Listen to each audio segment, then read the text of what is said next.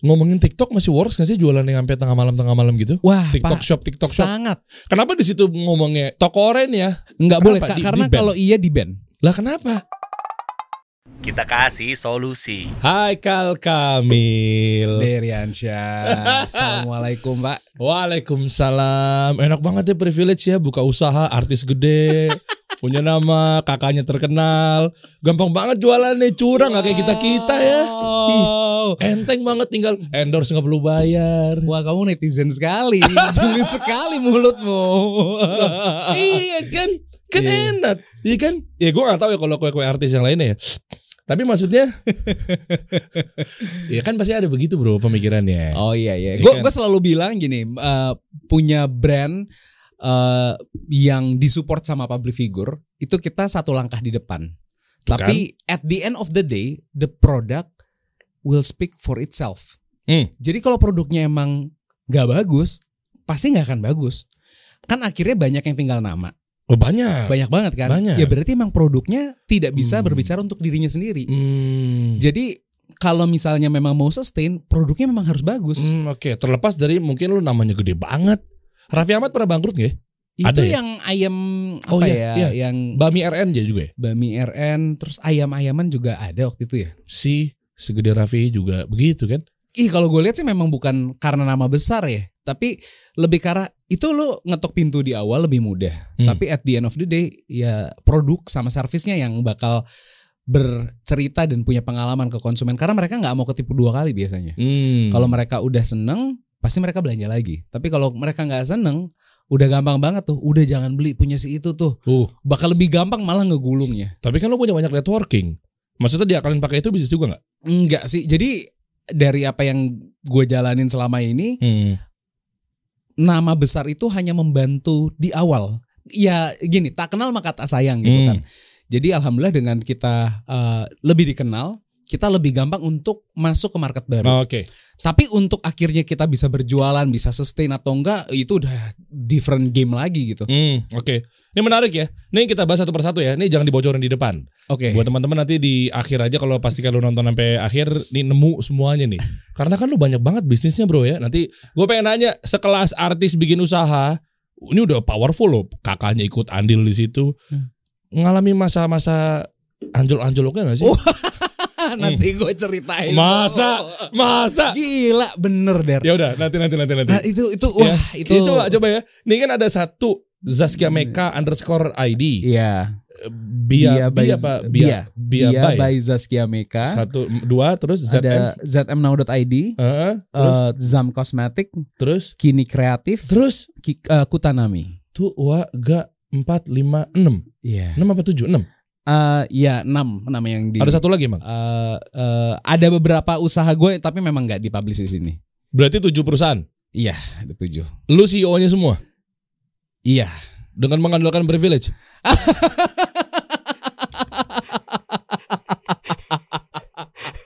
Mau profilnya siapa sih sebenarnya gue nggak tahu juga. Oke oke, nanti kita bahas ya. Coba coba ZM Now, ZM Now apa sih isinya? Coba. Itu itu website. Itu tuh, Coba, tuh coba. di paling pojokan. Eh, Nah, oh. jadi kita eh, mencoba membuat sebuah platform sendiri. eh, Wih. makanya namanya tidak zaskiameka.com atau eh, Bia by zaskiameka.com enggak. Jadi kita bikinnya zmno.id. Oke. Ini sebagai sebuah sekoci lah. Hmm. Misalnya kita ada apa-apa sama marketplace, kita tetap punya platform sendiri. Pinter, nih gue setuju. gitu. Ini cara yang bagus nih. Walaupun kalau dibilang kita nggak punya duit kayak marketplace kan, jadi kita nggak bisa bakar duit kayak Oh. mereka kan. Tapi at least kita ya, punya ya, ya. ketika ada apa-apa kita punya rumah sendiri. Oke, gitu. stop stop. Ini siapa? Eh ini siapa? ini apa? Oh, Lo jangan langsung negatif dong. Astagfirullahaladzim. Ini Iya, enggak, iya, ini iya. apa maksudnya? Gue nanya, Oh, oh, ini iya, berarti iya, iya. scarf atau gue nggak ngerti kan? Jadi Soalnya pas muncul orangnya jadi kayak bawaannya kok langsung kata Oh. gue ke ini siapa? Sorry sorry. jadi ini brandnya tuh eh, jadi brand fashion muslimnya tuh gua ada beberapa. Yang paling mainnya adalah ZM Zaskia Meka. Hmm. Kita sebutnya ZM lah ke depannya. Jadi ZM ini fokusnya adalah eh, USP-nya adalah brand brand public figure, harga menghibur. Wow, wow, wow. Jadi- asik asik. Jadi membuat eh, gimana eh, orang kan suka punya aspirasi tentang Eh, artis gitu ya ngeliat di TV oh keren banget penampilannya tapi ketika mereka pingin ikutin gaya hidupnya ternyata harga produknya jutaan semua akhirnya nggak terjangkau Oke. dari situ gue ngeliat ada gap sebenarnya antara orang eh, yang suka sama gayanya sama orang yang mampu belanjanya jadi itu ada gap dan kita pikir kayaknya ini menarik kalau misal kita bisa ngisi ruangnya Hmm. jadi ZM itu eh kita selalu price pointnya memang sangat terjangkau. Jadi memang buat eh, masalah gitu. Kita Hmm. bukan buat kelas butik gitu. Jadi kita kelasnya eh, kelas masif yang kita bikin. Hmm. Tapi USP juga kita coba ngangkat. eh, dulu tuh udah bertualang ke mana-mana. Kita sempat dulu bikin cuman eh, tun- eh, dulu tunik doang. Terus bikin tunik polos.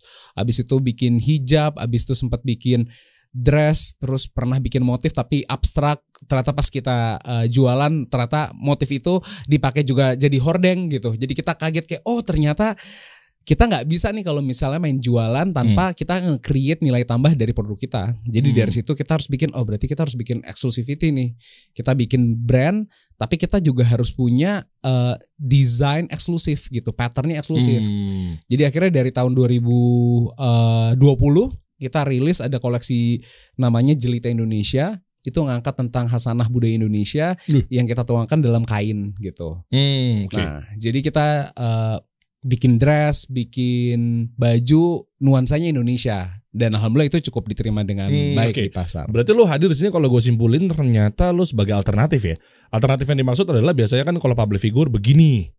Tadi lu bilang jutaan. Ah, iya, iya, ternyata iya. lu hadir dengan alternatif. Oh, lu pengen kayak public figure ini tapi ini lo solusinya. Iya, Bisa lo lo punya gitu ya. dan gue tuh juga sekarang nggak cuman Z- eh, Zaskia doang, kita kerja kol- kita prinsipnya kolaborasi.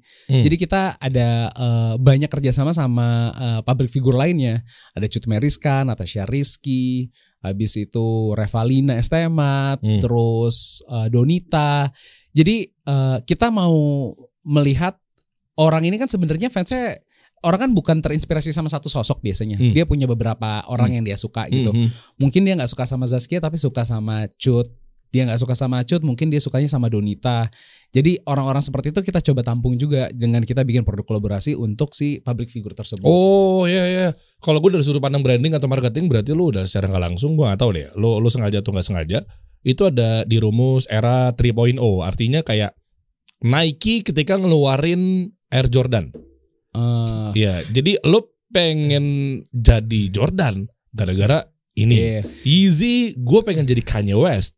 Iya, iya, iya. Mungkin kayak gitu kali ya. Ini Hmm. nggak coincidence aja sih sebenarnya. Oh oke. nggak Oke. ada nggak ada kepikiran kayak gitu sebenarnya. Cuman eh, karena dulu mau coba ngegedein brand, Hmm. salah satu paling gampang kan eranya kolaborasi sekarang. Eh, Karena kalau misalnya semua artis disuruh bikin brand masing-masing kan juga nggak mungkin. Kadang-kadang mereka tuh kayak pingin punya bisnisnya, hmm. tapi nggak bisa ngejalanin manajemennya. Jadi kita bilang ya udah eh, kalian fokus eh, menjadi seorang public figure, aksi, eh, eksis di entertainment, eksis kalian bikin konten, eksis bikin eh, apalah karya kalian, eh, kita yang ngurusin bisnisnya. Jadi kita banyak kalau kerja sama akhirnya jarang yang cuman tiga bulan gitu jarang ada yang udah setahun lebih hampir dua tahun Oh, gitu? kerjasamanya iya kita Maksud tuh kalau yang tiga bulan tuh apa kue-kue artis? oh bukan Loh, tadi lu bilangnya katanya kalau cuma tiga bulan, ih berarti yang yang yang yang yang, yang ini yang duitnya pakai investor itu loh. Oh, Nah, duit lu pakai duit investor apa bukan? Enggak sih. Hah? Kita sendiri. Ah masa?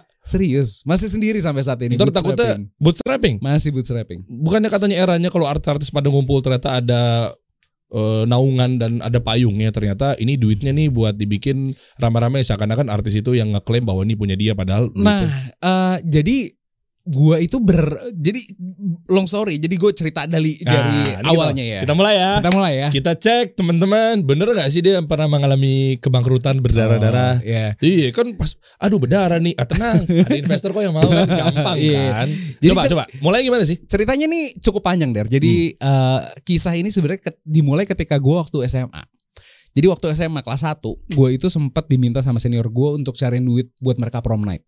Nilainya 10 juta. Wow. Buat kita tahun 2007 nyari duit 10 juta gimana caranya gitu. Suruh patungan juga kayaknya nggak mungkin.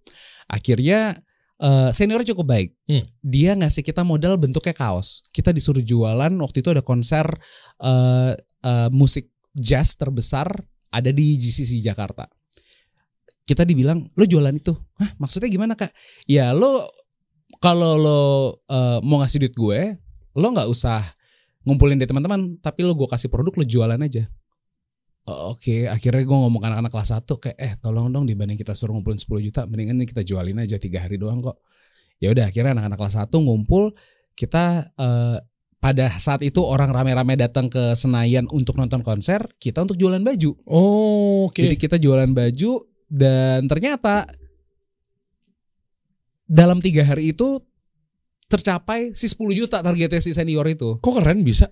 Iya jualan baju konser aja di pinggir jalan gitu. Jadi kita kak kaos kak mbak baju mbak gitu kita jualan aja di pinggir Oh, jalan. Oke, oke. Bener-bener ngam, ngampar gitu. Ah, Kayak bener-bener kaki lima aja gitu. Tahun berapa? 2007? 2007. Lu SMA mana, sorry? Ah, Alpus gue. Iya benar, benar. Gua ala- eh, gua 82 Patra gue. Oh lo Patra. Makanya gue pernah tadi di kepala gue, oh ini kayaknya nih lu Alpus bukannya? Gue Patra Iya, 2007 gue. Oh lo 2007 gue 2009. Gue Alpus 3 cuman. Iya, Alpus 3. Berarti gue kelas 3, lu kelas 1 kan? Iya iya iya iya iya. iya. Padahal secara muka tuan gue. Tetep ya. Iya, Jelas ya. Oke, habis itu Terus- dapat duit dari situ. Terus hubungannya apa nih? Oh, hubungannya adalah itu menyadarkan gua ternyata menjadi seorang pengusaha itu punya kenyamanan sendiri ya. Hmm. Karena ada sebuah kenikmatan ketika kita ngelihat produk kita tuh dipakai sama orang. Oke. Jadi ini merubah persepsi gua yang tadinya gue pikir cari uang itu gua harus tampil di TV, Hmm. tapi ternyata bisa cari uang dengan cara gua berdagang. Hmm, Itu merubah persepsi gua. Keren. Jadi merubah uh, fundamental thinking gue. Terus ketika gue kuliah, uh, gue sempat mutusin break dari dunia entertainment. Uh, nyokap gue harus jual mobil untuk gue kuliah. Gue kuliah di Binus Inter. Yang satu semesternya luar biasa. Betul, yang yang bercandanya bercanda nih, lo jangan sensi nih. Jadi kan ternyata ada binus internasional, ada Raisa kan di situ kan. Uh, uh. Nah ternyata bagian mungkin katanya kata orang-orang, gue sih Uh. nggak setuju ya disclaimer ya. Jadi oh ini kampusnya, oh ini toiletnya nih gitu. Wah parah loh. Kata orang-orang, kata orang-orang. Gue nggak bilang, gue kan Tapi gue sering makan di depan situ. Gue gua sangat gue anaknya warteg lah ketika di sana. Gue nggak sanggup ke sensi setiap hari pak. Gila lah kita cari duit sendiri. gue nggak nyebut ya, gue nggak nyebut nama kampusnya dari tadi ya. Uh, uh, uh, Kan lu kan sebelah sebelahan tuh. Kata Iya. orang-orang, gue sih nggak setuju, gue udah disclaimer. Enggak lah tapi Bukan ya? enggak ada gue juga enggak ada masalah. Tapi Ya pokoknya binus internasional gue kan. binus inter terus Hmm. yang kuliahnya cukup mahal dan pada saat itu ternyata nyokap gue sampai jual mobil buat gue kuliah. Di situ gue ngerasa kayak wah gila men.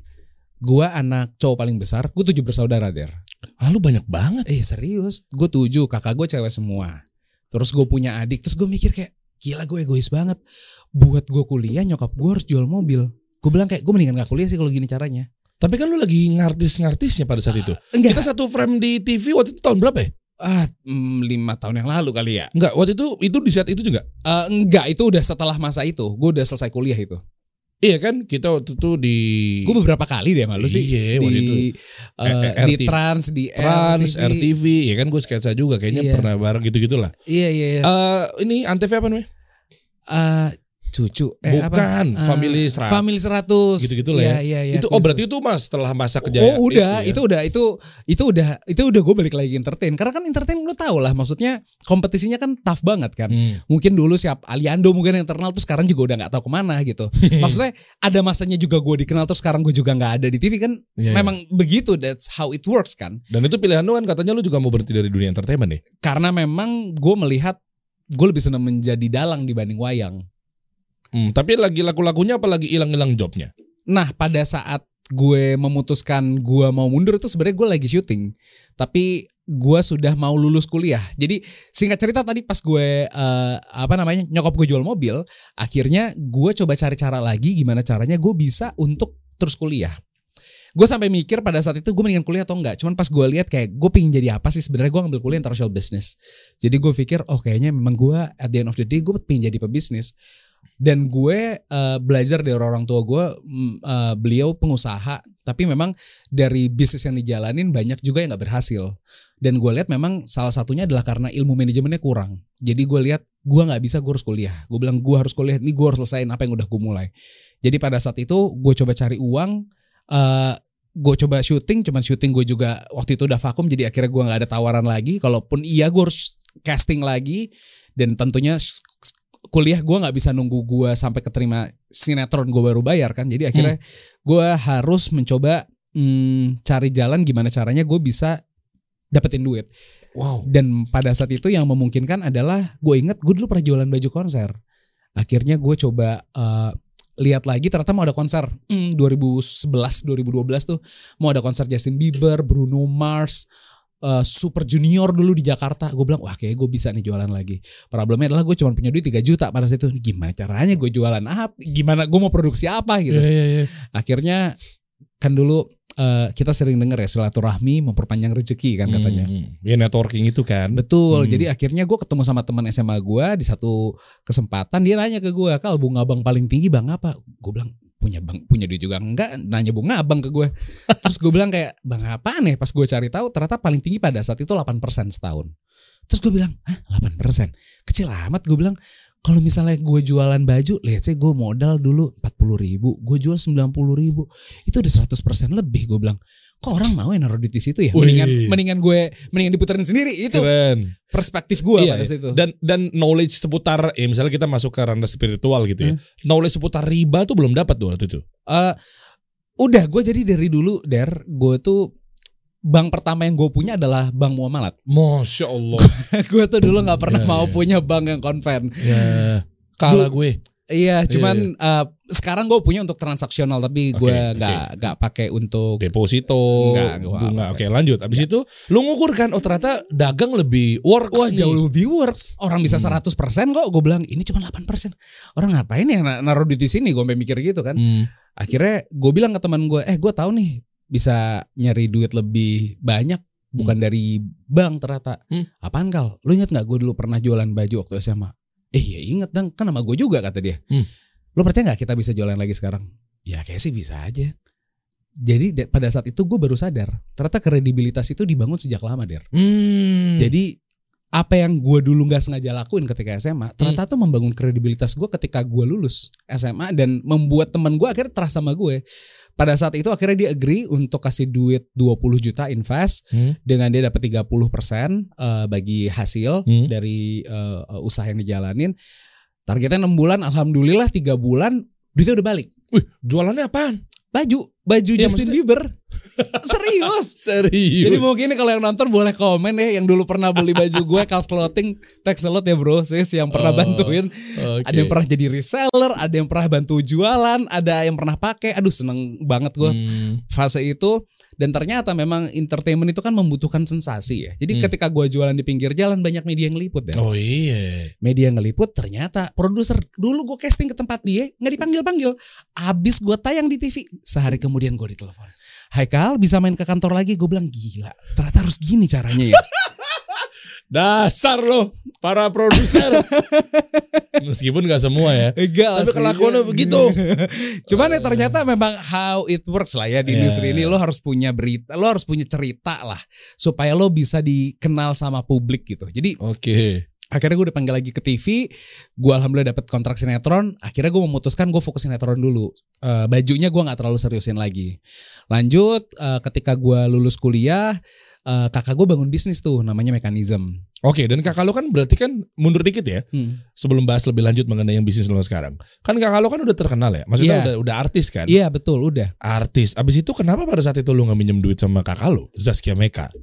Eng, gue nggak mau ngerepotin karena gue ngerasa buat gue kuliah aja Hmm. nyokap gue jual mobil masa gue mau minta duit dia lagi untuk usaha kayaknya gue nggak sampai hati untuk melakukan itu sih gue nggak mau ngerepotin keluarga gue lagi sih pada saat itu Kenapa kakak lo waktu itu nggak ambil peran? Jangan sampai nyokap gue jual mobil nih, gue aja nggak cover. dia juga punya kesulitannya Oh, sendiri sih jadi kita ada semua momen ya, ada momen. situ semuanya tuh keluarga gue tuh keluarga yang struggling der jadi mungkin orang ngelihat hingar bingarin entertainment luarnya oke gitu tapi Mhm. dalamnya kita wow kita struggling sekali kita Mhm. tujuh bersaudara kakak gue kita sempat hidup semua terpencar tujuh orang anak itu ya. Oh ya. Iya, jadi kita masa kecil kita kalau ditanya gue berapa kali pindah rumah 20 sih gue lebih sih pindah rumah. Pindah rumahnya es ngontrak. Iya ngontrak, gue pernah tinggal di kontrakan, gue pernah tinggal di kos-kosan. Wah, gue pernah tinggal di daerah yang setiap hujan banjir. Wah, pernah sih gue lewatin semua. Gue baru tahu loh. Iya, Dan tujuh tujuhnya sorry, itu dengan umur yang deketan. iya kakak gue paling besar tuh Katasha eh, 85. Terus Kak Iya eh, itu 87, Tania 89, gue 91, adik gue 92, Marsha. Eh, Rifka 97, Alwin 99. Deket-deket semua sih, jarak 2 3 tahun. Iya, maksudnya artinya kan wow, dengan Iya. pola pikirnya mungkin uh, sama sehingga lu bayangin ada tujuh kepala sama gitu loh. Kan Iya.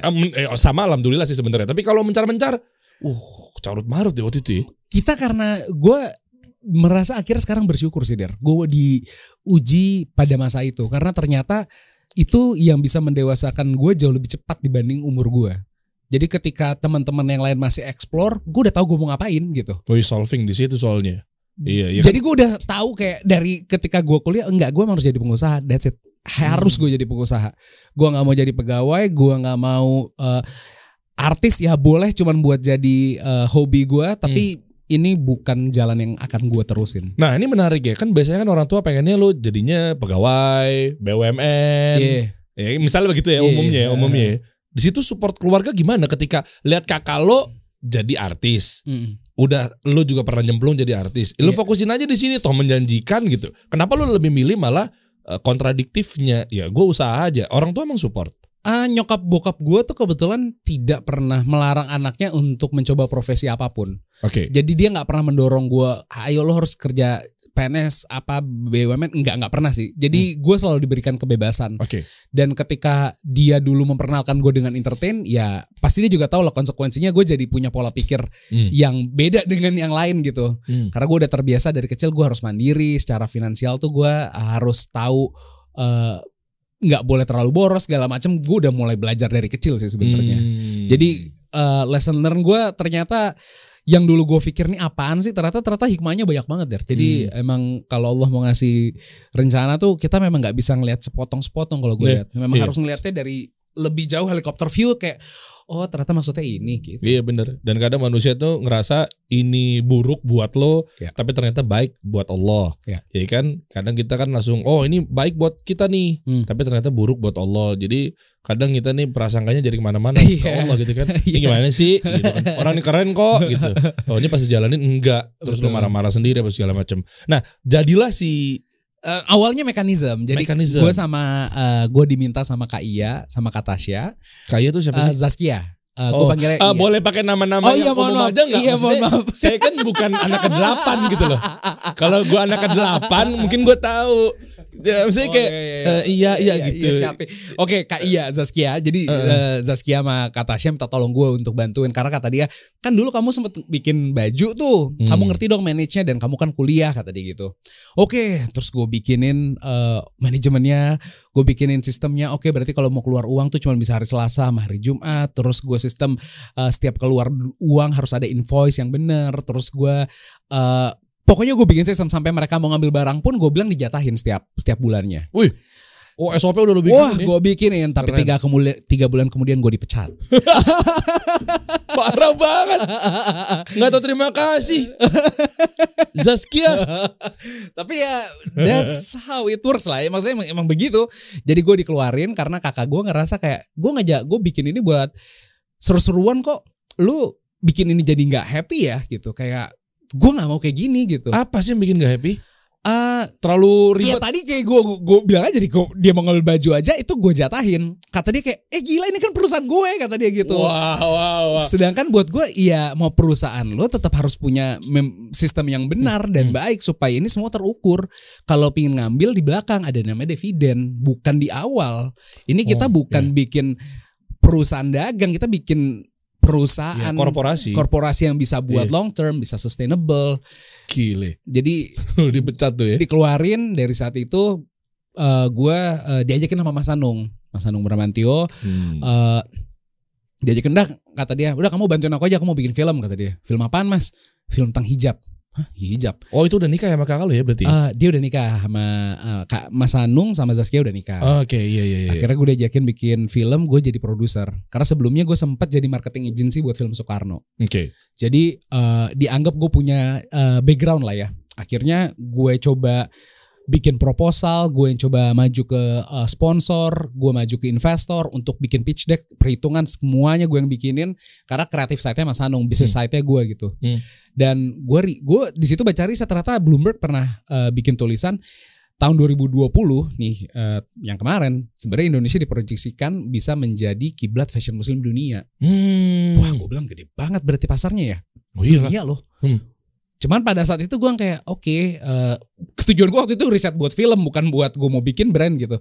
Akhirnya gue bikin film 2015 rilis. Ya eh, kodarullah filmnya nggak terlalu sukses di pasaran, cuman dapat sekitar 120 ribu penonton. Oke. Tapi dari situ itu membuka pengetahuan gue tentang oh ternyata fashion business ini satu hal yang gede banget ya. Dan Hmm. gue ngerasa ada gue udah kenal sama industrinya dari zaman gue SMA tadi itu dari tahun 2008 gue udah kenal sama industri ini. Hmm. kayak bukan satu hal yang aneh kalau misalnya gue mau nyemplung lagi gitu. Jadi akhirnya gue putusin kayak gue ngomong akhirnya ke Kak Zaskia Kak boleh nggak? Gue mau usaha. Gue pingin jualan baju muslim tapi pakai nama lo. Tapi lo jadi komisaris aja. Gue ngejalanin bisnisnya.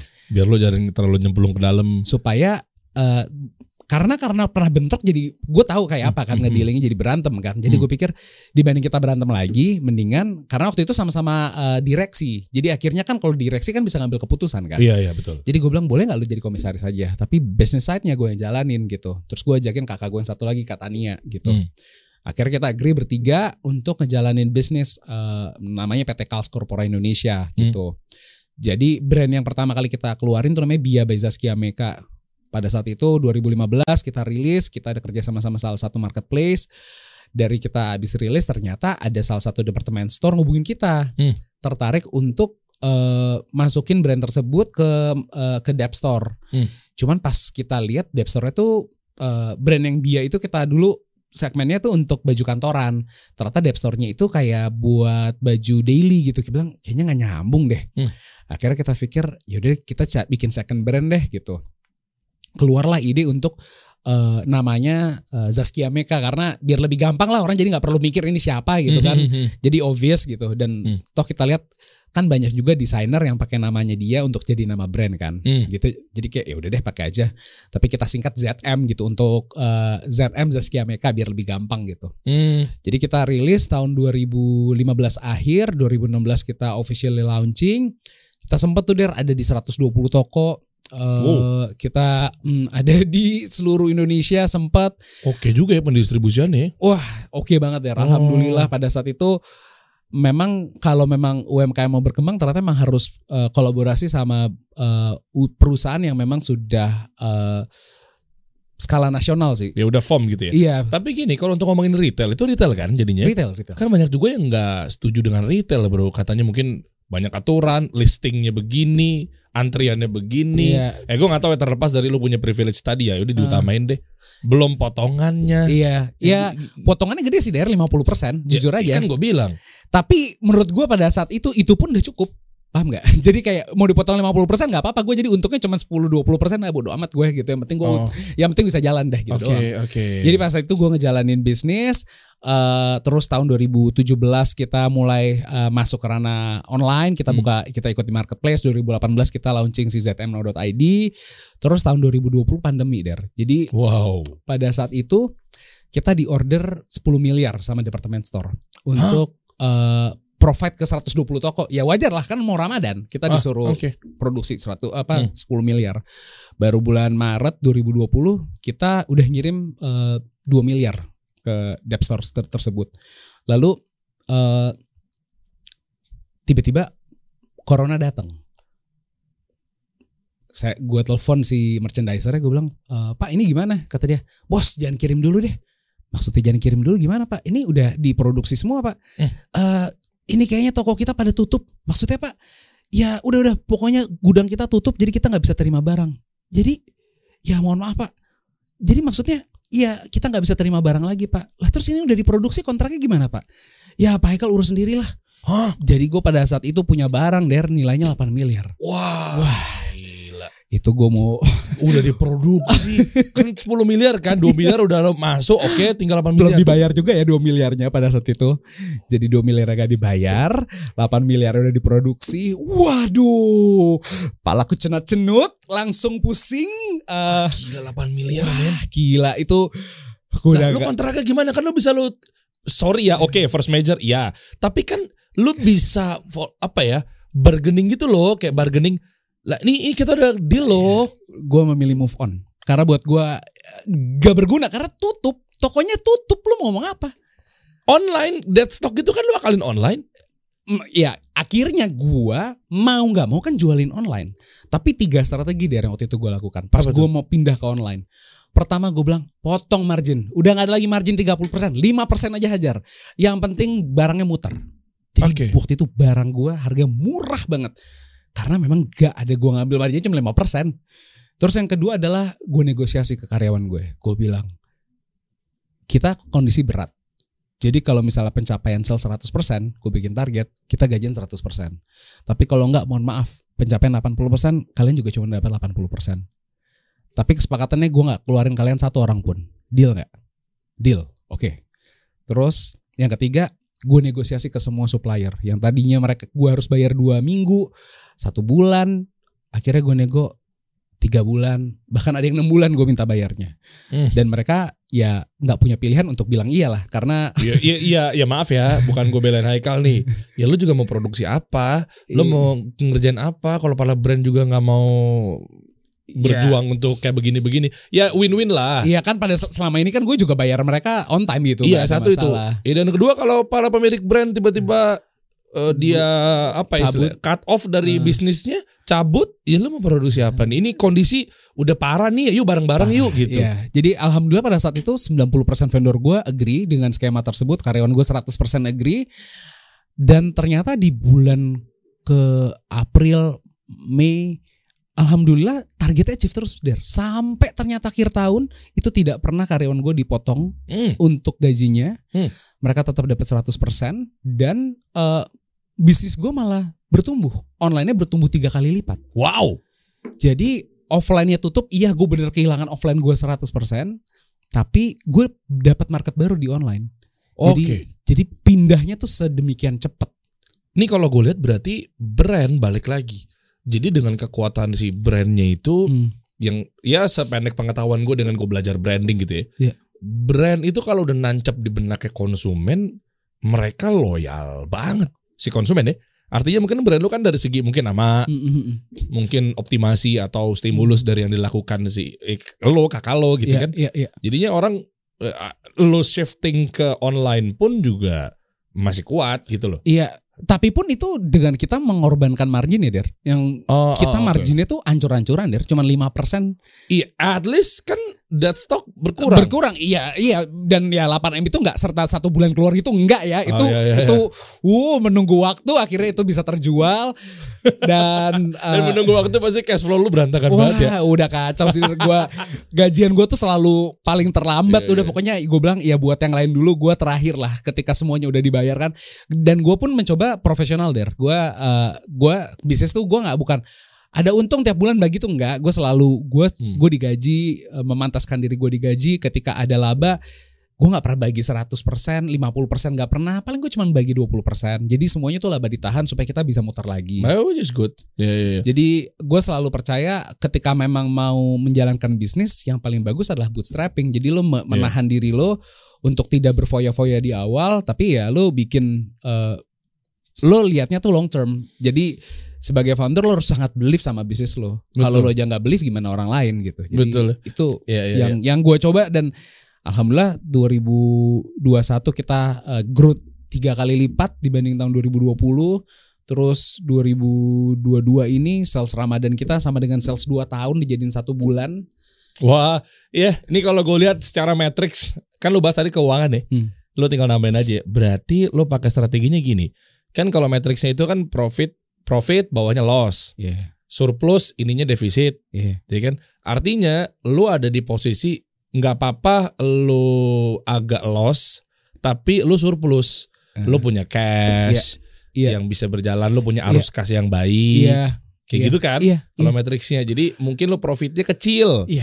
Tapi kan lo ngamanin surplus. Iya, jadi gue Nggak defisit. betul. Jadi duit lo tetap ada. Iya. Yang lebih parahnya kan udah loss, udah rugi, lu defisit. Oh, selesai. Eh, untungnya lu masih bertahan. Jadi meskipun lo lu berarti pakai strateginya di keuangan ya.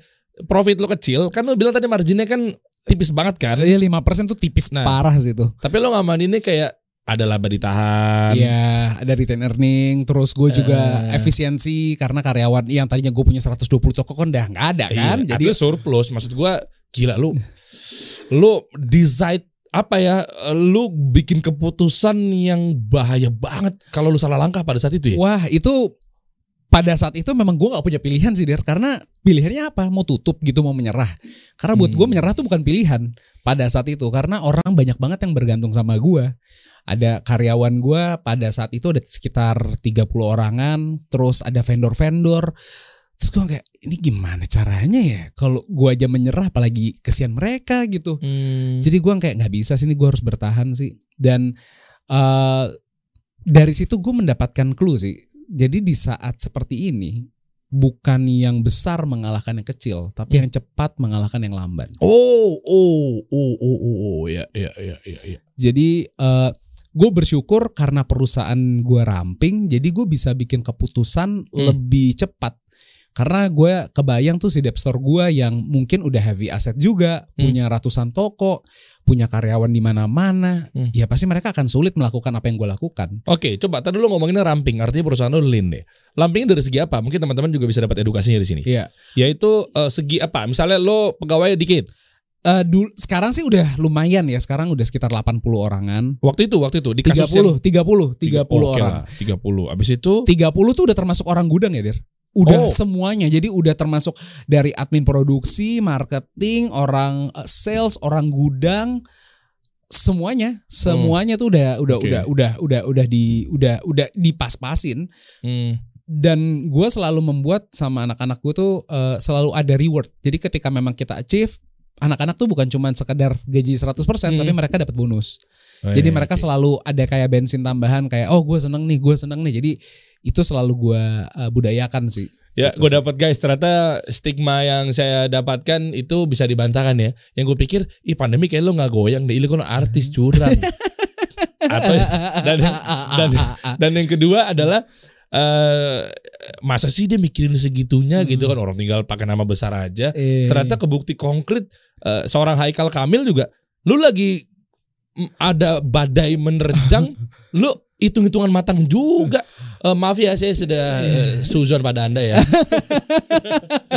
Gak apa-apa karena gue memang sering melihat orang uh, stereotype gitu ya. Iya, iya, iya. uh, ketika memang public figure tuh dianggap uh, privilege segala macam, tapi padahal menurut gue sama aja sih sebenarnya mau siapa Hmm. juga. uh, at the end of the day kok balik lagi ke orangnya gitu ya. Orangnya Hmm. bisa nggak sih uh, menjalankan Iya, ini? bener. Dan lu pilih nggak ngutang lagi? ya? Artinya lu nggak pilih lu panik Ngutang ke vendor iya, tapi ngutang ke bank enggak. satu itu. Dan Iya. kedua kan lu bisa ada jalur investor maksudnya funding. Oh, enggak sih. Gua- Maksud gua kan kondisinya kan bisa Kemarin aja tuh begitu. gue berapa kali ditawarin investor ya ada beberapa, eh, tapi mereka selalu minta jadi majority ketika pas mau masuk. Bisa aja mau nyaplok ya.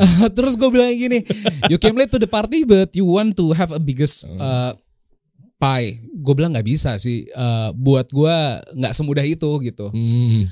Jadi eh, beda beda setiap founder punya pandangan masing-masing ya. Buat gue kayak nggak nggak. Gue masih beli sama bisnis ini dan gue yakin ini masih bisa gue jalanin. Jadi kalaupun someday gue akan melepas ini, pasti gue nggak akan lepas majority sih gue karena masih pengen menjalankan ini dan gue masih believe ini market fashion muslim tuh gede banget ya. Gede bro. Pas gue sempet eh, hitung tuh eh, dapat eh, risetnya dari eh, dari luar proyeksinya tuh ternyata 250 triliun katanya nilai ekonomi setahun gitu. Waduh, dari market share ya. Dari dari dari total fashion muslim keseluruhan Iya, iya. hijab doang tuh katanya 90 triliun.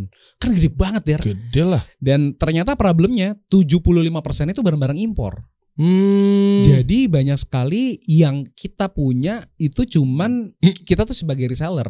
Eh, ber- kenapa lo mau bilang bahwa kita belum mem- memenuhi syarat gitu brand-brand lokal kita? Bukan belum memenuhi syarat, masalahnya adalah eh, market itu cenderung mencari barang termurah. Nah, barang-barang termurah ini rata-rata itu didominasi oleh impor. Nah, Hmm. Sebagai gambaran mungkin kalau hijab yang eh, yang memang produksi dalam negeri gitu, Hmm. itu mungkin harganya let's say untuk kualitas yang sama tuh misalnya 15.000 ribu rupiah gitu. Hmm. Tapi ketika itu produksi impor dari Tiongkok gitu, itu harganya cuma 5.000 ribu rupiah gitu. Jadi Oh iya deh. Kita sangat tidak kompetitif gitu untuk Iya, di iya. bidang itu karena mungkin mereka punya uh, resources mereka punya uh, uh, subsidi ya gua nggak terlalu paham lah masalah itu tapi yang jelas Iya iya. iya. di situ menunjukkan kita nggak terlalu kompetitif jadi uh, gua ngelihat brand-brand lokal uh, gue pengen banget kita bisa jadi tuan rumah di negeri sendiri Bah. dan jangan bahan bakunya tuh impor sebisa mungkin pakailah barang-barang lokal karena lebih baik kita ngasih uang tuh ke orang yang ada di Bandung, yang ada Hmm. di Pekalongan, yang ada di Semarang, pabrik-pabrik yang ada di sana karena mereka kan punya anak-anak, anaknya bisa sekolah, yang akhirnya Hmm. bisa membuat negara kita tuh jadi lebih eh, besar ke depannya. Iya Itu betul. sih yang gue pikir. Jadi roda-roda ekonomi be- betul-betul berputar ya. iya. Oke. Dan sekarang berarti strategi lu ngapain aja sampai akhirnya eh, kok bisa ke garis finish meskipun bukan finish dalam arti selesai ya. Ah, Tapi kan sekarang udah jadi banyak. iya. Waktu itu kan nggak tujuh perusahaan dong Enggak, enggak, enggak, enggak. dan Eh, naik pelan-pelan pelan-pelan gitu ya. Iya, jadi ya memang strategi gue adalah awalnya harus fokus sih Der. Hmm. Fokus ketika ada bisnis apa lo fokus di situ nyemplung dan karena memang gue orangnya gue handful gitu. Jadi ketika gue nyuruh orang, gue akan menjalankan dulu. Kayak sekarang nih zaman yang live streaming, itu gue bisa yang jam 2 pagi itu gue yang live streaming untuk bantu untuk ngasih lihat ke mereka kayak gue committed untuk lakuin ini. Lu Hmm. jangan gak commit untuk lakuin ini. Oke, lu aja kayak begitu ya. Gue aja begini, lu Iya. jangan enggak. Jadi gue selalu memberikan contoh. Jadi menurut gue selalu sepakat lead by example tuh penting banget.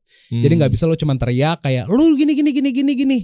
Nah, Habis orang nggak ada yang dengerin dah. Lo harus jalanin Iya. itu biar mereka lihat. Karena ada contoh kan. Betul. Lu jangan nyuruh orang on time kalau lu sendiri nggak datang on time. Hmm. Lu jangan nyuruh orang datang jam 5 belum apa jangan pulang dulu kalau lu nya juga jam 5 udah nggak ada di kantor. Jadi menurut gua semua tuh harus dari example sih. Gimana Hmm. cara kita eh, men- mem- memberikan contoh orang pasti akan melihat kita oh berarti at least gue harus jadi seperti dia gitu. Oke, dan fase lu bangun dari tiarap tuh sampai akhirnya lu punya tujuh brand Iya. itu berapa lama? Eh fasenya mungkin dua tahun kali ya. Jadi Dua tahun ya? dua tahun sih. 2020 2021 sih fase ter eh, ter ter apa ya? Gue terkonsolidasi. Jadi gue memang fokus utamanya memang gue di eh, Kals Corpora itu di di ZM sama Bia. Hmm.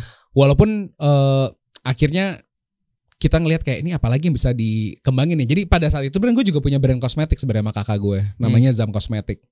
Tapi ketika pandemi emang harus dipilih, nggak bisa diselamatin dua-duanya. Jadi gue harus memilih mana yang mau gue Iya, selamatin. betul. Dan Jadi dan nambah atau ekspansi atau nambah cabang ya nambah masalah kan. oh iya nggak bisa sih. Jadi Wah. pada saat itu ya kita fokusin ya udah yang kita paling kuat core-nya di fashion. Jadi yang kosmetik Oke, kita sorry banget kita belum bisa selamatin, Hmm. bener nggak bisa diselamatin. Akhirnya fashion perusahaan fashion gua nggak akuisisi si kosmetiknya biar kosmetiknya sekarang masih bisa hidup dulu. Hmm. Terus eh di luar itu gue sama bini gue tuh bikin agency. Oke, Jadi agency kita apa? ada uh, content creator agency. Hmm. Jadi uh, karena Namirah tuh lebih seneng untuk bikin konten, terus uh, uh, styling dia di bidang lifestyle sih, suka senengnya beauty, Hmm. fashion. Jadi uh, gue membuat karena gue punya ilmu manajemen, gue bantu dia untuk memanage itu jadi lebih rapi. Jadi gue bikinin kini kreatif. Iya. Oh, Oke, dan DNA-nya tetap muslim juga ya? Gue sebisa mungkin yang mau gue bikin tuh DNA-nya halal lifestyle. Oh, oke. Jadi kalau menurut gua halal itu lebih general dibanding muslim. Menurut pandangan gue. Iya, iya, iya. Karena kalau halal itu lo makanan halal lo gak harus jadi muslim untuk makanan halal gitu. Jelas, tapi kan pada dasarnya lu muamalah sama siapa aja juga sih. Iya betul kan. Iya kan, lu boleh, lu trans, bahkan nggak usah di, yang dibeli orang-orang non muslim deh. Lu berpartner sama orang non muslim aja sebenarnya bisa. Iya betul. Ya, cuma mungkin stigmanya ketika ya gue gak tahu ya oknum-oknum ini tuh alergi Hmm. banget ketika bilang muslim sama halal. Kayaknya ke sana muslim tuh "Uh, kadrun. Hey, lu kadrun. Lu ke Arab Araban.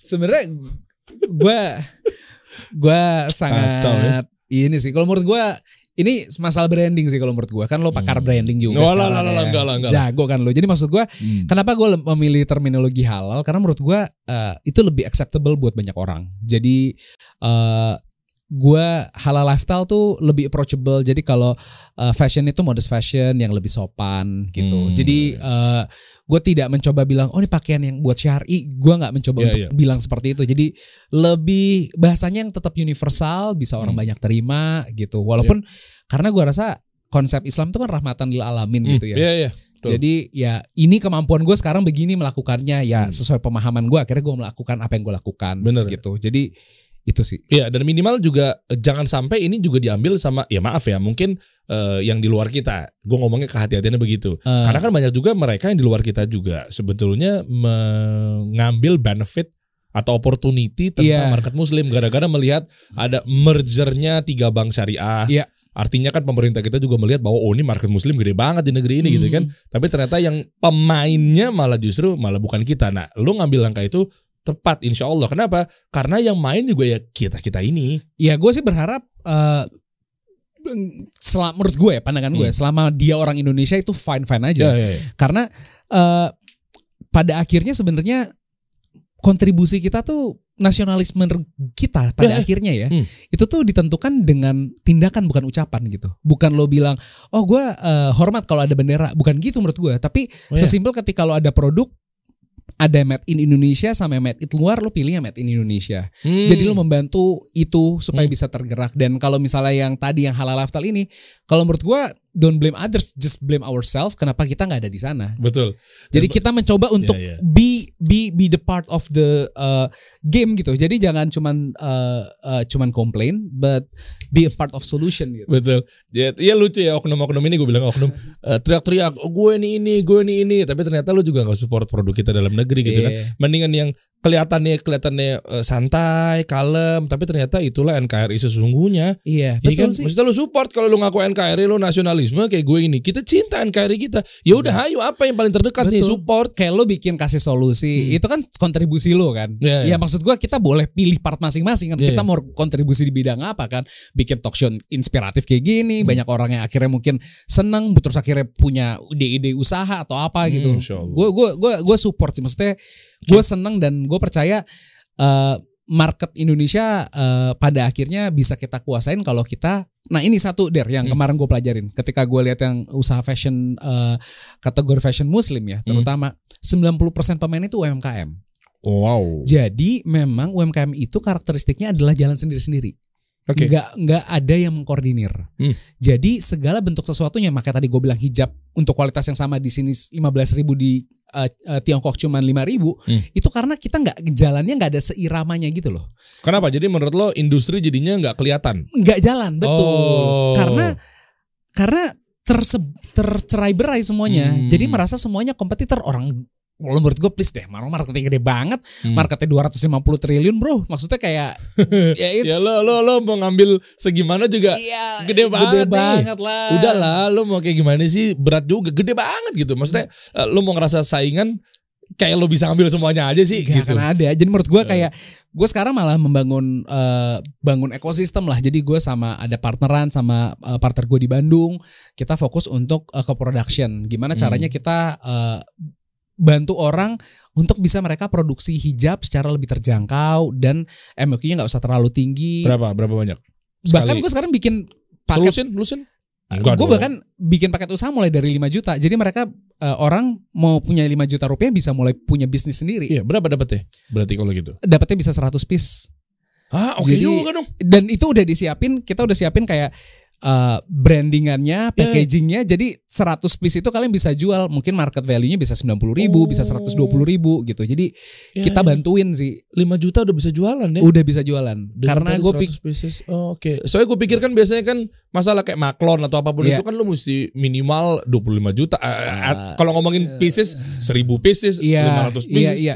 Gue ngeliat memang uh, apa yang dulu gue pernah rasakan, Hmm. uh, masalah gue itu gue coba jawab dengan apa yang gue mau hadirkan. Jadi gue punya bisnis unit namanya uh, Kantis Kals Indonesia (KKI). Hmm. Nah itu fokusnya untuk ngebantuin UMKM untuk ngeproduksi. Jadi kita sekarang udah banyak Oh. bantu UMKM untuk uh, uh, apa namanya untuk produksi hijab dengan harga lebih terjangkau gitu. Boleh lihat ya, kayak gimana sih? Coba dong sekalian Ah, ada bahas ya? semua bisnis model lo deh. Sekalian ya, maksudnya. Oh iya boleh boleh. Boleh di, dong. di web di ini di IG di IG. Coba coba di Tapi IG. enggak, tulis aja Kantis. Coba nanti Kantis kita Kals. buka satu-satu ya. Uh, uh, Kantis. Kantisnya tulisannya gimana? Iya betul Kals. K A L S. Kantis apa sih bro? Eh, itu dia yang itu. Singkatan. Eh, Kantis tuh nama perusahaan partner gue di Bandung. Oh oke. Oh, itu nama kayak bukit gitu di eh, Padang. Oh oke. Kanti namanya. Makanya kemarin postingan lo gue ngeliat lo di Padang ya. Oh iya benar. Tuh dia Oh, ada iya, paket bisnis kita bikin Oh. buat hijab production. Ih berarti ini ngebantu banget buat teman-teman UKM yang sekarang mungkin lo pengen punya penghasilan tambahan atau lo masih bimbang resign nggak ada eh, dari kantor ya Iya. jualan apa ya Iya, yang jelas-jelas aja ya apakah Iya. gue harus foto produk nggak ya susah juga ya nantinya Iya. foto produk sendiri modal Iya, lagi iya, kalau iya. bangun dari nol kan begitu kan Betul betul. mendingan ini udah dapat semua tuh Kita bantuin paket-paketnya tuh bermacam-macam. Dari yang 5 juta sampai ada yang ratusan juta juga ada. foto produk marketing kitnya udah lu siapin itu semua bisa kalau untuk di paket yang medium tuh udah ada. Kalau untuk paket yang 5 tuh belum termasuk. Hmm. 5 juta tuh belum termasuk. 5 juta tuh lebih ke arah lo dapetin desain logo, Hmm. terus lo uh, dapetin produknya, packagingnya udah kita siapin. Sama label buat produk lo tuh udah tersampai uh, udah terpasang di hijab. brandnya Brandy ya Brandy ya? ini enak banget gue pikir pakai brand lo Enggak, enggak. Brandy ya Brandy ya. jadi gue kalau biasanya mau buka usaha kan Misal gua- dari hijab gitu. Iya misalnya gitu dari hijab Artinya kan gue harus pikirin labelnya Iya. Gue harus pikirin logonya Enggak, ini di satu tempat aja. Gue pikirin di satu tempat bahkan logonya pun udah kita siapin. Nanti Soalnya kita costing banget ya Kalau gue mulai bener-bener uh, berdarah-darah Dan lu siapin semua kita siapin, Hmm, kita bantu di KKI di Kantis Yang medium berapa bro paketnya? Apa? Yang paket medium Medium tuh dari 20 jutaan. 20 jutaan Iya. Cuma gara-gara teman-teman nonton lewat kasih solusi Privilege jadinya 10 juta ya Waduh, bisa aja Bung Dery ini. Gue ngamanin Oh, audiens gue oh, dong iya, Biar iya, dia iya. tetap loyal sama oh, gue oke. Iya, iya. Siap nanti gue bikinin paket spesial buat teman-teman kasih solusi. Ya Ah, gitu dong Masa gak privilege ya Biar dia kan Gue juga punya kebijakan dan kepentingan gue oh, Biar siap, dia stay siap. di sini Oh, siap, siap, siap. Iya, Nanti brand-brand gue gimana nih oh iya Zahir ya. Ini gue pakai nih Zahir. Pakai lu? Pakai Zahir. Ih keren serius Serius pakai Zahir baru tanda tangan kemarin. Yes, Iya. emang Zahir cocok banget perpanjang di sini ya? Wes, Mas Ismail. iya betul. Kemarin main-main di sini CEO-nya. Oh. Dia advisor kita juga. Oh gitu. Iya Muhammad Ismail. Ih, mantep. Gue juga waktu itu didatengin kantor gue bisa diskusi panjang lebar sama. Keren Zahir mah. Oke, artinya di sini berarti eh, semua apa pun yang penting hijab. Hijab, itu hijab dan kain sebenarnya. Jadi kain pun juga bisa beli di sini, tapi yang kita paket bisnis kita siapin tuh buat buat hijab. Karena Hmm. kita pingin ngegedein gimana caranya brand-brand lokal itu tumbuh lebih banyak lagi. Hmm. Karena kita lihat di fashion ini brand itu umurnya rata-rata pendek der. Cuman eh, enam bulan, setahun. Tapi karena banyak gak konsisten. Eh, marketnya kan tapi gede. Gede banget. Masalahnya mereka tuh menyerah sebelum bertanding gitu loh. Oh iya. Jadi gue membantu ini adalah supaya playernya lebih banyak. Habis itu kalau misalnya mereka udah masuk, nanti bisa kita katu, ki- ki- kita bisa bantu coaching. Gimana caranya untuk kalian bisa sustain? Hmm. Gimana caranya kalian bisa jualan? Itu kita coba bantuin. Oke. Gitu. Dan ini ya mungkin maklone. Gue gak ngerti istilahnya lu nyebutnya Iya sih? maklun lah. Maklun ya. ya. Nah terus yang lainnya apa lagi? Ada nggak tahu tuh- ada reseller gitu-gitu gak? Eh, ZM apa Zaskia Meka tuh yang, Coba yang tengah. Ya itu. Nah ini Nah, ini. main brand gua Uh, eh. ZM Zaskia Meka. eh, ini kita fokusnya D2C direct to customer. Hmm. Reseller ada tapi kecil sekali kepada persentase sales kita. Hmm. Jadi memang kita fokusnya adalah gimana caranya harga kita seterjangkau mungkin ke konsumen. Oke. Makanya- Tapi kan kalau main kayak gitu kan, sorry gue potong. Bukannya malah ntar jadinya nyemplung ke perang harga kalau begitu? Hmm, Lo main di bawah semuanya juga jadi banding-bandingin dong bro? Atau gimana? Karena kita punya desain yang eksklusif, menurut gua enggak sih. Oh lo tetap ada branding tipis-tipisnya di situ. Oh iya pasti coba turun deh ke bawah deh. Hmm, oke, Kelihatan kok produknya. Nah, Oh. jadi kita tetap punya USP kayak dressnya itu kita jual harga 200 ribu, Hmm. terus hijabnya tuh mulai dari 30 ribu. Oh, jadi, oke. eh, Oh masya Allah. Jadi kita memang mainnya tidak di middle up, tapi di Eh. middle market sih kita mainnya. Tetap mengejaga kualitas dan lain sebagainya gitu. ya? Betul, kita Oke. produksi sendiri. Oke, coba atas lagi, atas lagi. Ntar baru ke bawah lagi. Oh, atas lagi. Oh gitu. Ini berapa umurnya? Eh, enggak, Eh. maksudnya bisnisnya umurnya udah berapa Ini lama? istrinya Desta loh. Oh Desta, Oh, halo Desta. Lalu Gue cuma nanya bisnisnya umur berapa? Caca parah lu tak gua sih nggak ini ya gua Gue nggak cuma ya. nanya mohon maaf ber- batin berapa dah umurnya si bisnisnya udah berapa lama? kita lagi kolaborasi sama Caca Eh. sama Natasha Rizky Desta friend gue tuh di radio, kompetitor dulu. Dia di Oh. Prambors, gue di Trax. Oh iya iya. Ini dulu pagi. Siap. Bawa lagi, coba bawa lagi. Gitu. Bawa lagi terus. Terus eh, Kita sekarang aktif juga di. TikTok, banyak di TikTok. Kita live tuh sehari sekarang udah berapa ya? 8 jam. Eh, Ngomongin TikTok masih works gak sih jualan yang sampai tengah malam tengah malam gitu? Wah, TikTok Pak, shop, TikTok shop. sangat, CO ya? Eh, sangat. CO ya, CO ya. Der, sangat. Serius loh. Parah. Jadi sekarang tuh menurut gua sekarang lagi ada disrupsi juga dari gua sebutnya dari konvensional marketplace yang kayak yang orange, yang hijau, yang biru. Sekarang tuh dis- ke disrupsi sama social media marketplace. Kenapa di situ ngomongnya toko oranye ya, toko hijau ya? Emang boleh, nggak boleh nyebutin. dari TikToknya nggak boleh nyebutin Nggak itu? boleh. nggak gue sempat boleh. beberapa kali nonton dan gue ngamatin kan. Kenapa? boleh Di- karena kalau iya di ban. Nggak boleh nyebutin bahkan ngomongin nama Instagramnya nggak boleh. Lah kenapa? Nggak boleh karena mereka mau jadi all in one. Sebenarnya keuntungannya si TikTok ketika belanja itu rata-rata kan impulsif buying. Jadi mereka belanja ketika ada produk disodorin, mereka jadi ah kayaknya lucu deh. Akhirnya mereka mau belanja dan mereka nggak punya banyak kesempatan untuk membandingkan harga. Oh, ngerti gue. Jadi begitu disebut di sini, akhirnya coba aja gue cek dulu ke sini. nggak akan keburu karena live itu kan ada waktunya ketika mereka lagi periode waktu tertentu. Jadi rata-rata tuh orang nggak bisa ngebanding-bandingin. Beda sama marketplace yang konvensional yang sekarang tuh bisa di short dari harga termurah. Kalau di TikTok tuh kan enggak. Ya sih ketahuan sortirannya ya. Enggak. Langsung aja pilih yang paling termurah gitu ya. Iya, kalau di TikTok kan enggak. TikTok Dan itu cepet-cepetin nih. Eh cepet-cepetan nih. Iya, Ayo buruan nih, check out nih. Betul. Misalnya ini harganya berlaku cuman eh, buat 10 orang pertama. Ya udah Iya. gitu.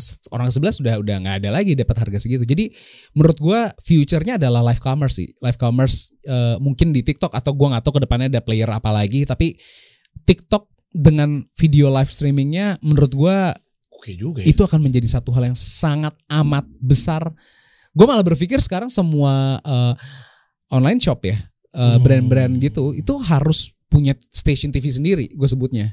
Oke. Kayak lu tuh harus punya RCTI sendiri gitu, karena lu harus dituntut untuk bisa memproduksi konten yang baik, karena lo minimum post konten tuh sehari dua kali. Habis gitu lo harus bisa live. Live itu kan juga nggak gampang, Der. Gen Z, Gen Z permintaannya ya, bikin kita yang milenial tuh kadang tuh Anda suka ngasilin sekali satu hari satu postingan. Kalau dia nggak suka, kok nggak posting lagi sih? Kok nggak live lagi? Dipindah. Iya, memang Muter otak sekali Anda ya. Gen Z, Gen Z. Tapi kalau gue lihat ya, eh, pembelinya tuh ternyata bukan cuma Gen Z di TikTok. Oh, karena yang milenial satu baby boomer sekalipun dia melihat behavior dan ekosistemnya sekarang udah begini nih. Betul, Jadi mau gak mau gue ke bawah. betul karena Hmm. gue lihat sekarang mainnya malah impulsif gitu loh. Jadi kayak belanjanya tuh bukan berdasarkan kebutuhan, tapi berdasarkan apa rekomendasi yang ada di depan layar kita gitu. Ya itu tuh. Dan itu. dan dan menurut gue ini ini bakal banyak merubah tatanan sih. Karena eh, yang tadinya brand mungkin udah kuat di marketplace eh, konvensional ketika mereka pindah ke marketplace yang eh, social media base gitu ya atau video base wah itu Hmm, nggak segampang itulah. Iya. Oke, dan berarti di sini nggak ada reseller ya? Eh, Ada tapi Ah, dikit kecil ya. lah ini emang Iya, nggak iya, fokusnya iya. di reseller Oke, terus is that ada emang apa? ada Bia by Zaskia Meka Oh, biar biar biar. Oke, kalau Bia ini s- mirip sebenarnya sama ZM, tapi konsepnya kalau ZM itu mengangkat hasanah Buddha Indonesia, kalau Bia ini tentang perjalanan Islam di seluruh dunia. Terus gimana modelannya? Modelannya nih kita ngangkat coba turun ke bawah Coba deh. ya, oke. Jadi ini kayak kita ngangkat itu eh, yang di kanan itu ada namanya Silk Road. Jadi ini ngangkat transpirasi dari dulu kan perja- jalur sutra ini eh, juga bukan cuma jalur perdagangan, tapi Huh. jalur penyebaran Islam. Heeh. Nah ini kita angkat juga kisahnya menjadi kain motif kainnya. Oh, paham Gitu. gue. Jadi lu memang spesifikasiin ini ini ini ini biar nggak tercarut marut ya. Betul. Jadi gue selalu ya karena gue dulu lama di film, syuting, sinetron, gue ngerti orang tuh seneng banget kalau ada cerita. Iya iya. Cerita itu bisa orang eh, jadi loyal sama sinetron misalnya ikatan cinta gitu yang sekarang bagus gitu. Hmm. Orang kan jadi nonton itu karena terbawa emosi akan peran-peran yang ada gitu. Nah, gue Hmm. pikir kalau misalnya kita bisa memainkan sisi emosional eh, konsumen dengan kita mainin sentimen tentang perjalanan Islam, tentang kebudayaan Indonesia, itu kan punya ada rasa tersendiri Iya, hati betul. konsumen gitu. Ya, story sih lagi-lagi ya. Iya, Hmm, jadi oke. kita bikin ini ada yang Islamic Journey in Europe, Ini Gitu. juga B2B eh, B2C. B2C ini B2C. B2C. Oh, lu banyak untuk peluang itu ya. gitu. Gue Oh, fokusnya oke. emang ke B2C sih. Iya iya iya iya iya. Terus Tone eh, asik banget tuh warnanya. Thank you, Oke. thank you. Ini kita Keren keren keren. Lu, tadi ada Z- Zazka Meka juga begitu punya punya identity sendiri, Mm-mm. Bia juga begini. Masa lo lo lo cerdasnya sih kalau gue lihat eh, ternyata mm, mm, kayaknya marketnya beda-beda ya.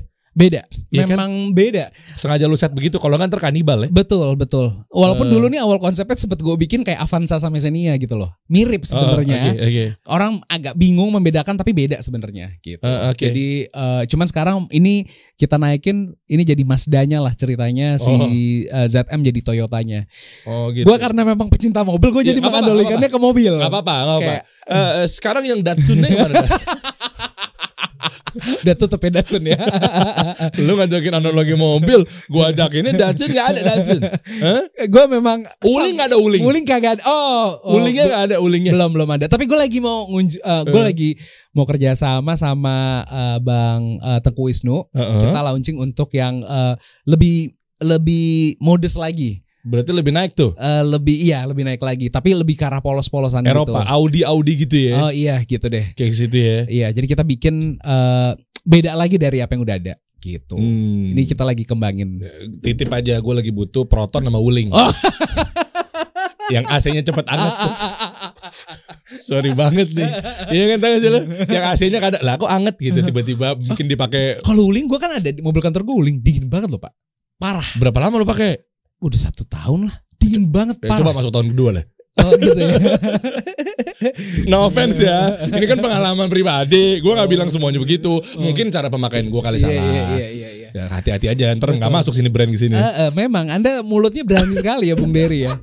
Luar biasa. Oke oke. Terus satu lagi. Terus eh, kalau ZM Now tadi kan website-nya Hmm. gue. Nah, cuma nggak apa-apa klik aja ZM Now turun ke bawah deh. Oke.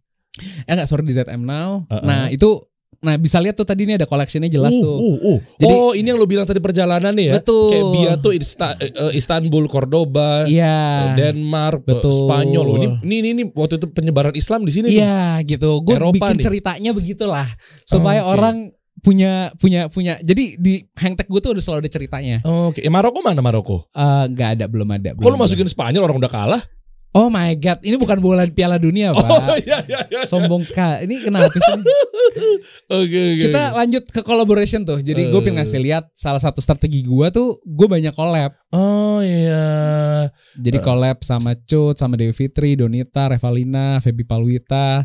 Ada kemarin sampai Saung Angklung Ujo. Saumang Ujo Bandung. Iya. Ih, apa kabar tuh? Jadi gue gue pernah ke situ tuh. Oh iya. Ini liputan. gue tuh pernah jadi ini lucu ceritanya. Jadi awalnya tuh gue lagi baca majalah Tempo. Hmm. Ternyata Saung Angklung Ujo mau tutup. Wah, gue sedih banget. Karena pada saat itu gue mikir, ini siapa lagi yang ngerawat angklung ya? Karena Hmm. jarang banget ada saung angklung yang bagus bisa mendunia itu. Setahu gue cuma ang- angklung Mang Ujo. Hmm. Gue bilang gue harus gue ngapain ya? Terus gue bilang tim gue hubungin deh timnya. Kita ajak kolaborasi mau nggak? Ngapain pak? Kita bikinin hijab terinspirasi dari angklung. Hah? Apaan sih kata Apaan? anak gue? Hijab lu pakai bambu. Tapi jadi motifnya motif bambu.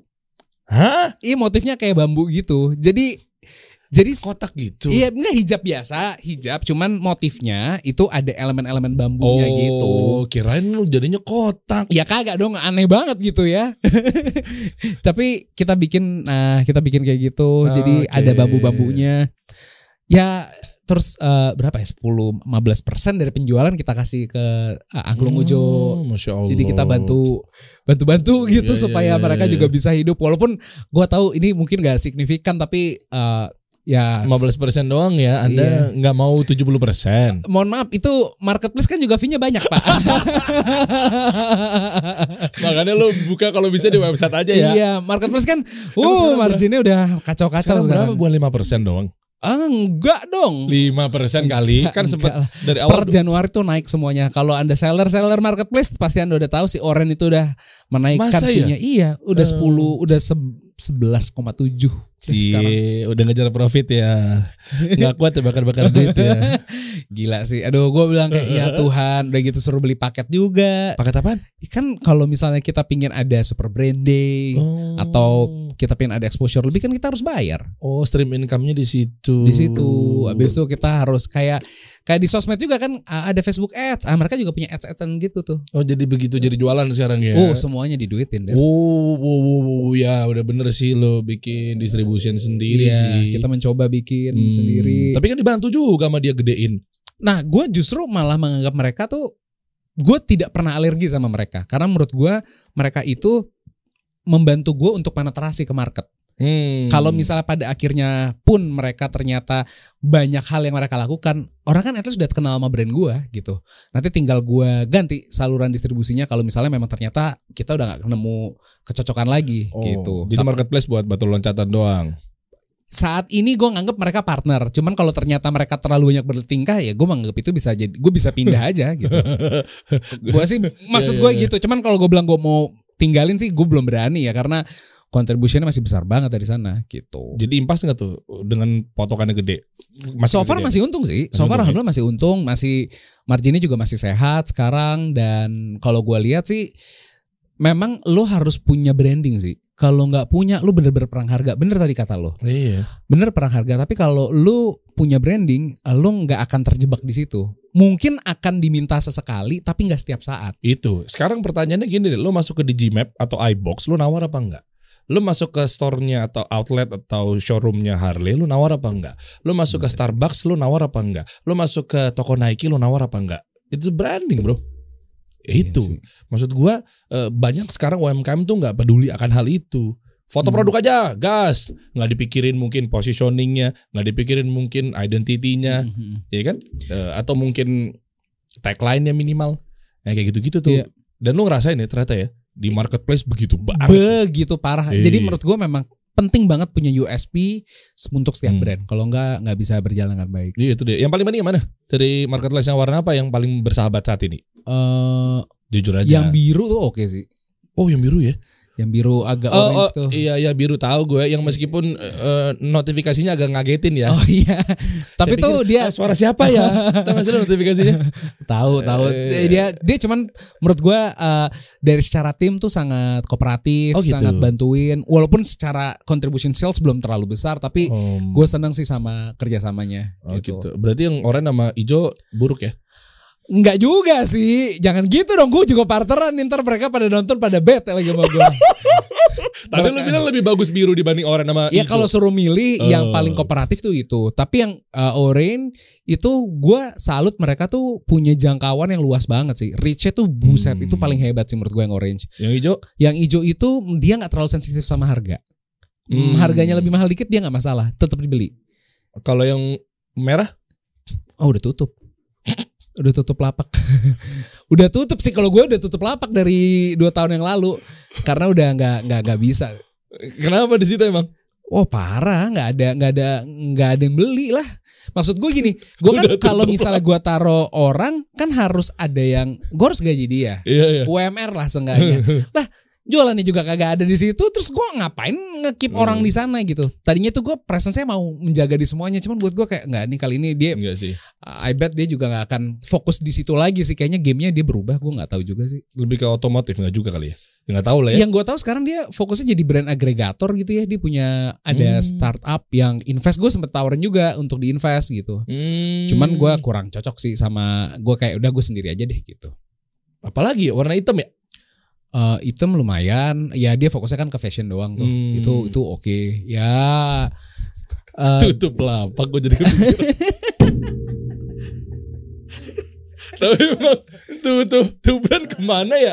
Iya, kan tahu waktu juga. IPO juga malah terjun payung kan? Iya parah sih. Tapi laporannya katanya bagus. Tapi ternyata pas dicek malah duit investor. oh gitu. Soalnya seakan-akan wah punya uang ya tapi duit investor masuk.